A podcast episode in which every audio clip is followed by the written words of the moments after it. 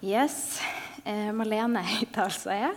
Eh, skulle ønske jeg var bedre på sånne, sånne der ting. Men eh, dere får spørre meg om det er noe mer dere lurer på. eh, yes.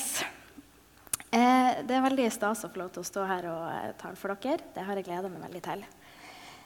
Eh, og nå i fem lørdager, altså fem lørdager nå, så skal vi altså være i eh, Kolossebrevet. Eh, og hovedtemaet for eh, denne taleserien her har vi satt som 'Jesus pluss ingenting er lik alt'. Og det her eh, det synes jeg er et veldig godt tema, fordi at det forteller oss noe veldig viktig og noe veldig grunnleggende om trua vår. Nemlig det at Jesus, han er alt. Og vi trenger ikke å tillegge han noe eller oss sjøl noe for at han skal holde, eller for at frelsen skal holde. Og det her tror jeg er noe som, som, vi ganske, altså, som, vi er vant til å høre om, egentlig. Jeg tror vi er vant til å høre dette med at du trenger bare Jesus. Eh, gi meg Jesus, bare Jesus. ikke sant? Eh, og Vi er vant til å høre dette her, og vi er kanskje vant til å sette og nikke oss enig eh, under taler.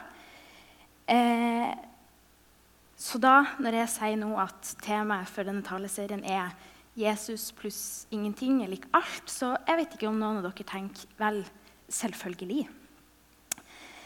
Eh, for jeg kjenner meg i hvert fall litt igjen i den selvfølgeligheten. Eh, jeg vokste opp i en kristen heim. Jeg er vant til å snakke om Jesus og jeg er vant til å snakke om Bibel hjemme. Eh, og dette her det er jeg veldig heldig med. det er jeg veldig klar over. Men jeg tror faktisk også, paradoksalt nok, at dette òg kanskje gjør at jeg noen ganger glemmer hvem jeg egentlig tror på. Og For ikke så veldig lenge siden så snakka jeg med ei veldig klok dame. Og hun spurte meg hvilket gudsbilde jeg hadde. Og dette det er et veldig viktig spørsmål. Og jeg må ærlig talt innrømme at det er en stund siden jeg har egentlig eh, tenkt veldig bevisst på akkurat det, hvordan gudsbilde jeg har. Men det som på en måte kommer til meg først, er at det er at denne farsfiguren. Eh, en som passer på meg, en som har kjærlighet til meg. Og dette her, det finner vi masse eksempler på i Bibelen, så det, det er jo ikke feil. Eh, men jeg tror at vi er veldig vant til å snakke eh, om Jesus og om Gud på et sånt bror-far-nivå. Som som sagt ikke er feil. Eh, men jeg merker for min egen del så eh, er dette fokus på Jesus sin allmakt, Jesus sin storhet, det er kanskje litt mer fremmed for meg å, å snakke om, faktisk. For hva betyr det egentlig? Hva betyr det egentlig at Jesus er allmektig? Hva betyr det egentlig at Jesus er stor? Og det er nettopp dette det fokuseres på i de versene vi skal være i i Kolossebrevet i dag. Det er dette her med Jesus storhet, Jesu allmakt og Jesus som den fremste. Så da skal vi lese i eh, Kolossene kapittel 1, vers 15-20. Han er den usynlige Guds bilde, den førstefødte før alt det skapte. For i Han er alt blitt skapt, i himmelen og på jorda. Det synlige og det usynlige, troner og herskere, makter og åndskrefter. Alt er skapt ved ham og til ham. Han er før alt, og i ham blir alt holdt sammen. Han er hodet for kroppen, som er kirka. Han er opphavet, den førstefødte fra de døde så han i ett og alt kan være den fremste. For i ham ville Gud la hele sin fylde ta bolig, og ved ham ville Gud forsone alt med seg sjøl. Det som er på jorda, og det som er i himmelen, da han skapt fred ved hans blod på korset. Ja. Eh, vi tar resten litt senere. Eh, vi skal være litt i disse versene her nå, så under den talen så kommer jeg til å gå litt gjennom eh, alle versene. Så er dere litt forberedt på det. Eh, men det vi nettopp har lest nå, det er veldig store beskrivelser av Jesus. Og når jeg leser i Bibelen, så syns jeg av og til det er litt sånn godt å stoppe opp Eh, og tenk hva er det jeg lærer om Jesus når jeg leser dette? Hva er det disse versene kan fortelle meg om Jesus? Og Det første vi kan lære, det, er, det finner vi i vers 15. Det at Jesus han er et bilde av Gud. Det betyr altså at eh, med blikket festa på Jesus, så får vi også se Gud. Og det forteller oss noe veldig viktig om Jesus, nemlig hans allmektighet. Spørsmålet blir videre da hva er det egentlig vi ser når vi ser Jesus? Og det her igjen kan vi finne masse gode bilder på masse beskrivelser på i Bibelen eh, om hvem Jesus er. Eh, han er en venn, han er en bror, han er kjærlig. Han ser de svake. Han har et hjerte for alle de han møter. Han ser barna, han er veien, han er sannheten, og han er livet. Og dette her, det er så gode ord. Det er så fine ord. Så når jeg nå sier de, så skjønner jeg jo at fy søren, så heldige vi er som har fått lov til å høre om Jesus og eh, få lov til å tro på han og få lov til å vie liv, livet vårt til han. Men det vi kan se eh, når, eh, i Kolossebrevet, da, eh, er at når Paulus skrev til Kolossai, så var det viktig for han å fortelle om den store og den allmektige Jesus. Eh, og som Jon Kjetil sa forrige lørdag, så var denne her menigheten her eh, en menighet der de, de trodde på Jesus, men, eh, men, de la ting litt sånn til i troslivet sitt. Og igjen så tror jeg at dette her er noe som vi, vi kan kjenne oss eh, litt igjen i. Eh, for min egen del så kjenner jeg i hvert fall det. Dette med f.eks. å legge til gjerninger. ikke sant? Opptatt av tiende, opptatt av å lese i Bibelen, opptatt av å gå i kirka. Og det her tror jeg er kjempeviktige ting, og det er riktige ting å gjøre. Men problemet blir når, når vi legger til disse gjerningene til frelsen.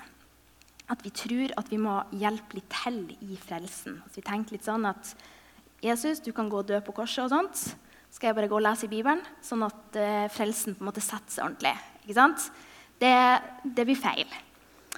Eh, fordi det vi gjør da, det er at vi gjør Jesus mindre enn det han egentlig er. Vi forminsker Jesus, eh, og vi forminsker hans allmakt. Fordi det som går igjen i Kolossebrevet, det er nettopp dette her regnestykket her. Jesus pluss ingenting er lik alt. Og Paulus bruker da seks vers i dette ganske korte brevet her, eh, til å virkelig skildre hvem Jesus egentlig er, og hvem vi tror på. Og Paulus han løfter da Jesus opp på et helt, sånn, helt eget nivå. Eh, og bruker ord og, eh, og bruker måter å beskrive Jesus som er bare så De er så store ord, ikke sant? sånn at det nesten er litt sånn vanskelig å, å, å virkelig sånn skjønne hva de egentlig betyr. Men han vi altså tror på, det er som vi kan finne i Johannes kapittel 10, vers 30. Han er ett med Gud. Altså, det er for han alt er skapt. Det er ved han at alt er skapt. Han er før alt. Og i han så blir alt holdt sammen. Så det, disse versene her forteller oss altså om, Jesus, eller om Jesus som omringer oss. Han omringer oss i alt vi er, og han omringer oss uansett hvor vi er. Og Eh, når jeg leste disse her versene, her, så var det et sånn, eh, språklig begrep som jeg la meg litt sånn merke til, som jeg syntes var litt artig. Språk er gøy, eh, og det her er et spennende ord. Eh, og det er universalia. Og det her det er ord som man kan finne mye av i, eh, i disse versene her. Universalia det er ord og begrep som sier noe allment. Altså det er ord som f.eks.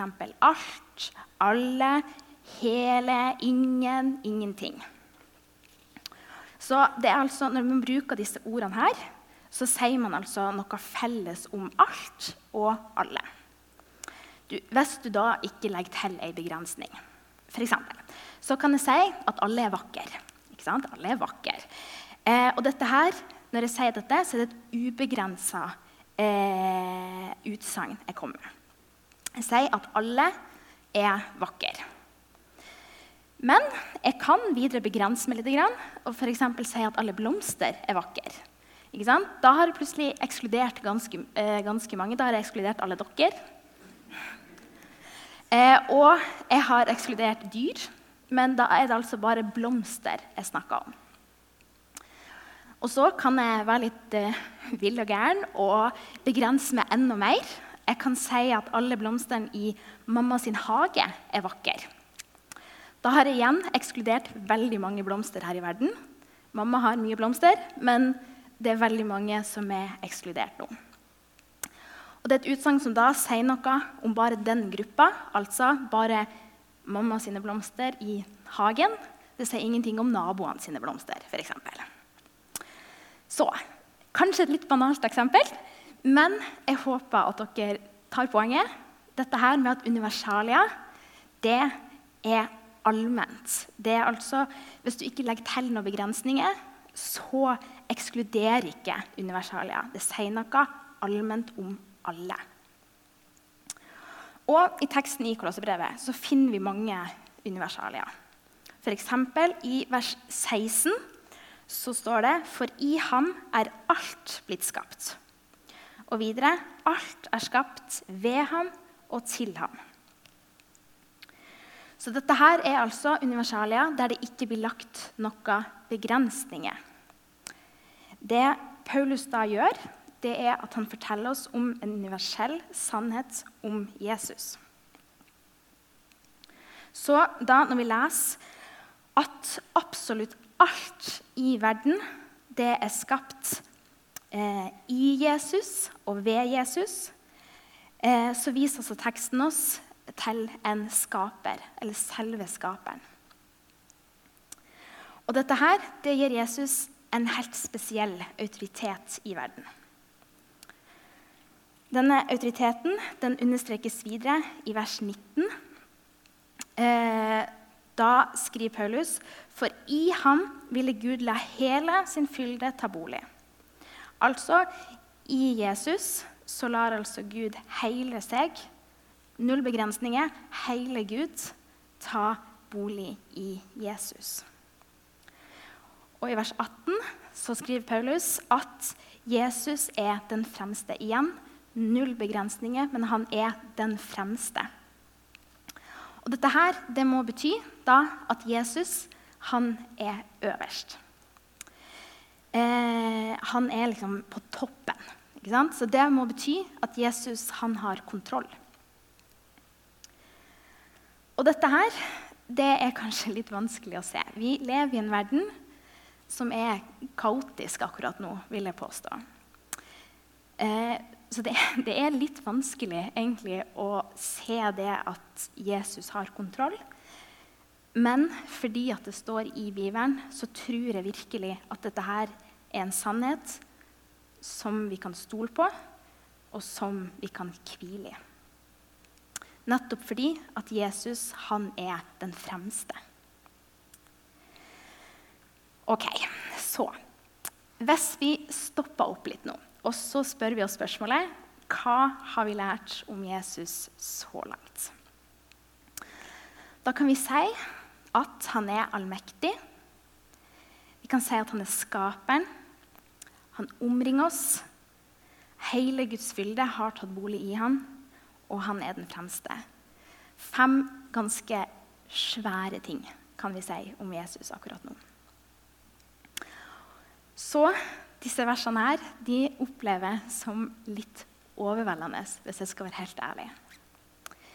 De skildrer så utrolig nøye Jesus sin storhet, eh, Jesus sin allmakt og Jesus sin gudsmakt at det nesten føles litt for mye å takle.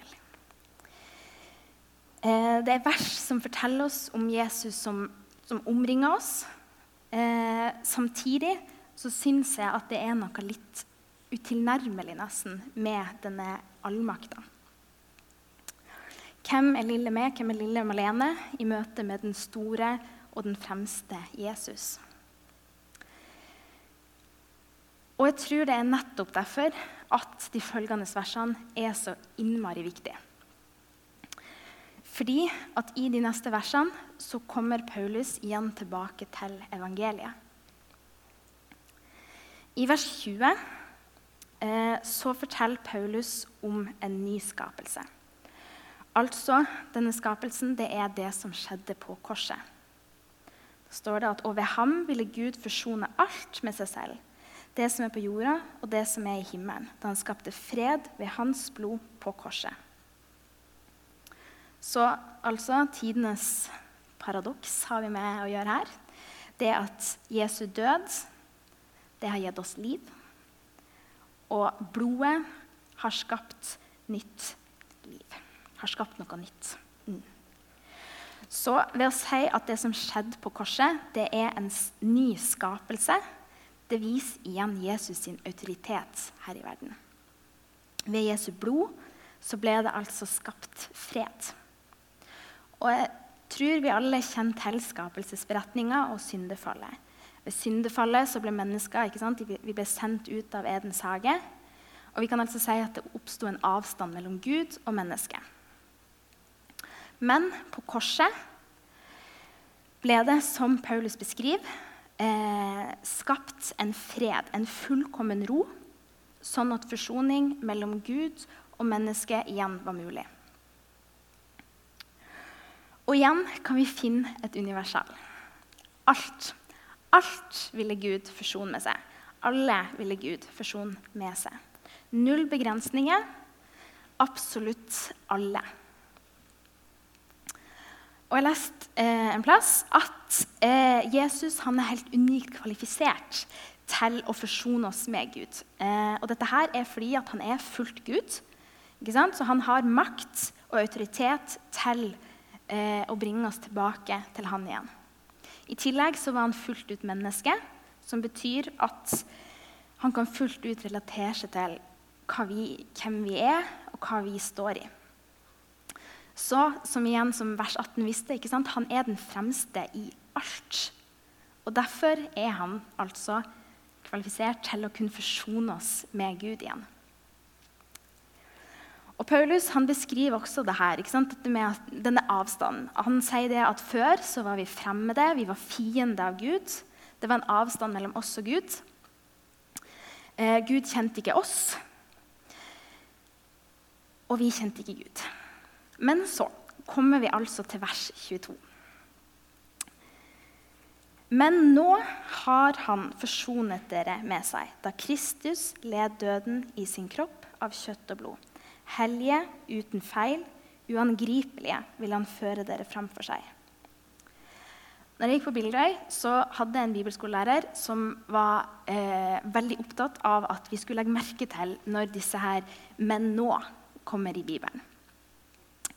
Og dette her, det er fordi at det forteller oss om et, eh, om et, skifte. Det forteller oss en sånn understreking om at nå kommer det noe viktig, nå kommer en løsning. Nå kommer vi liksom til uh, the good stuff. Eh, og dette her, det kan vi finne eksempler på flere plasser i Bibelen. Eh, I Efeserne 5,8 så står det En gang var dere selv i mørket, men nå, i Herren, er dere lys. Lev da som lysets barn. Også i 1. Korinterbrev kapittel 15, 19-20 så står det hvis vårt håp til Kristus gjelder bare for dette livet, er vi de ynkeligste av alle mennesker. Men nå er jo Kristus stått opp fra de døde, som førstegrøden av dem som er sovnet inn. Og Det samme kan vi se skjer i Kolossebrevet i vers 22. Men nå har Gud forsona oss med Han. Vi er ikke fremmed lenger. Det er ikke en avstand. Og i Jesus og i Jesus sin død på korset så får vi komme til Gud igjen. Yes. Eh, og så kommer vi til vers 23, det siste verset. Og I dette her verset her så kommer Paulus med ei bønn. Han sier dere må bare bli stående i troen, grunnfestet og stødige, uten å la dere rive bort fra håpet som evangeliet gir. Og evangeliet har dere hørt, for det er blitt forkynt for alle skapninger under himmelen, og jeg, Paulus, er blitt en tjener for det. Forrige lørdag eh, så talte Jon Kjetil en del om, eh, om håpet. Eh, og dette her, det er et ord som ser ut til å gå litt igjen i Kolossebrevet. Og som Jon Kjetil sa, så, eh, så, er dette her et ord som vi bruker ganske sånn forskjellig i den dagligdagse talen vår. Vi kan f.eks. Eh, si at eh, ja, jeg håper jo at noe skjer, men ting blir jo ikke alltid som jeg håper. ikke sant? Ting, altså, håpet er kanskje litt sånn forbundet med skuffelse for noen. For min del så holder jeg enda på håpet om en sånn gjentagelse av sommerværet i nord i 2014. Eh, det har gitt meg sju år med skuffelse. Eh, men eh, Men Paulus sin bønn det er at vi holder fast ved håpet som evangeliet gir. Det betyr at det er altså evangeliet vi er nødt til å feste ankeret i. Det er evangeliet som er stabilt, og det er evangeliet som står fast. Og Vi lever i en urolig verden, det har jeg sagt, eh, og det er fortsatt eh, sant, vil jeg påstå. Eh, vi lever i en verden der alt flyter. Eh, ingenting er en allmenngyldig sannhet lenger. Og det som var stabilt i dag, er kanskje borte i morgen. Det, vi, det flyter. Alt flyter. Men så har vi Jesus, da. Han er konstant. Han står fast. Han er evig, og han er uforanderlig. Og det er nettopp derfor at vi kan sette vårt håp i Jesus. Hvis vi fester håpet vårt i verden rundt oss, så kommer vi til å bli skuffa. Fordi at det er et håp som krever at enten jeg eller de rundt meg presterer godt nok. Det er altså et håp, et ankerfeste, som er festa i noe annet som flyter. Eh, og det er jo ikke helt bra. Da flyter jeg sjøl. Da mangler jeg et grunnfeste. Og jeg tror det er nettopp derfor at Paulus ber oss så inderlig om det å feste håpet vårt i evangeliet. Fordi det er et håp som både står fast, som er uforanderlig, og som gir et grunnfeste, sånn at vi ikke flyter rundt, men vi har noe konstant å feste oss sjøl i.